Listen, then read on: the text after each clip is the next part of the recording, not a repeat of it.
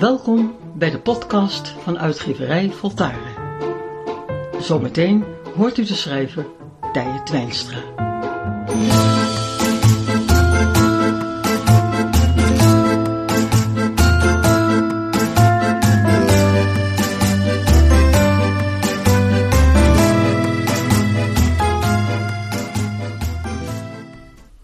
Patronen ontstaan sluipenderwijs. We hebben het niet in de gaten dat we ze dag in dag uit opbouwen en steeds nadrukkelijker maken. En als je er gewend aan bent geraakt, is het moeilijk om ervan af te komen.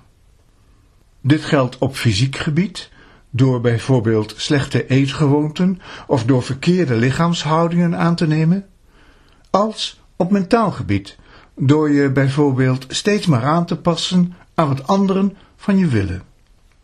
Pas als we deze patronen willen veranderen, zullen we het moeilijk krijgen. Maar voordat we ze willen veranderen, zullen we er eerst genoeg hinder van moeten ondervinden.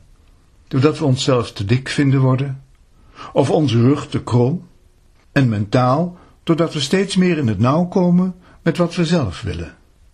Patronen leiden ons heel stiekem naar een gevangenschap. We komen in het nauw. Er ontstaat als reactie hierop een verlangen ons te willen bevrijden.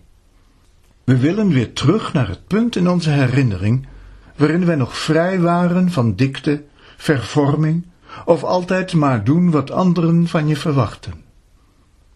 Als we op dat punt zijn aangekomen, hebben we het verschil ontdekt tussen onze aanpassing en de onnatuurlijkheid ervan ten opzichte van onze meer oorspronkelijke levensbenadering. Voor het doorbreken van vervormende patronen zijn drie dingen noodzakelijk.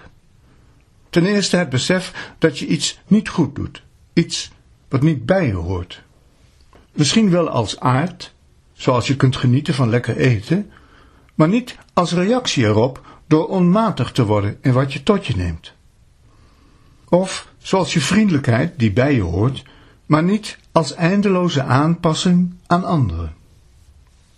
In de tweede plaats door na te denken hoe je meer jezelf kunt zijn.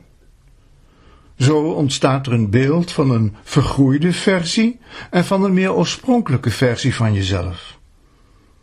Ten derde, zodra je beseft hoe ver je van je oorspronkelijke leven bent afgedwaald en hoe diep je in een patroon bent terechtgekomen, hoe gemotiveerder je zult zijn om te willen veranderen.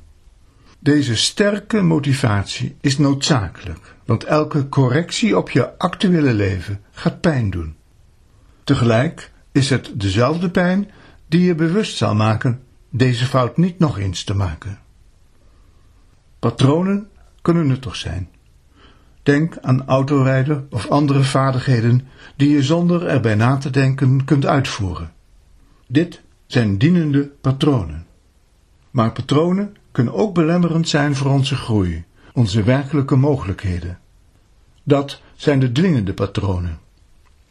Als je een dwingend patroon wilt doorbreken, dan kies het goede moment. Het moment dat je beseft hoe weinig er nog van je oorspronkelijke vermogens zijn overgebleven. En besluit dan terug te keren naar die verloren, maar nog steeds bereikbare vrijheid. Het is nooit te laat, maar weet ook, er zijn maar enkele momenten waarop je nog geheel terug kunt keren naar je oorspronkelijke uitgangspunt. En is dat niet wat je het liefste wilt?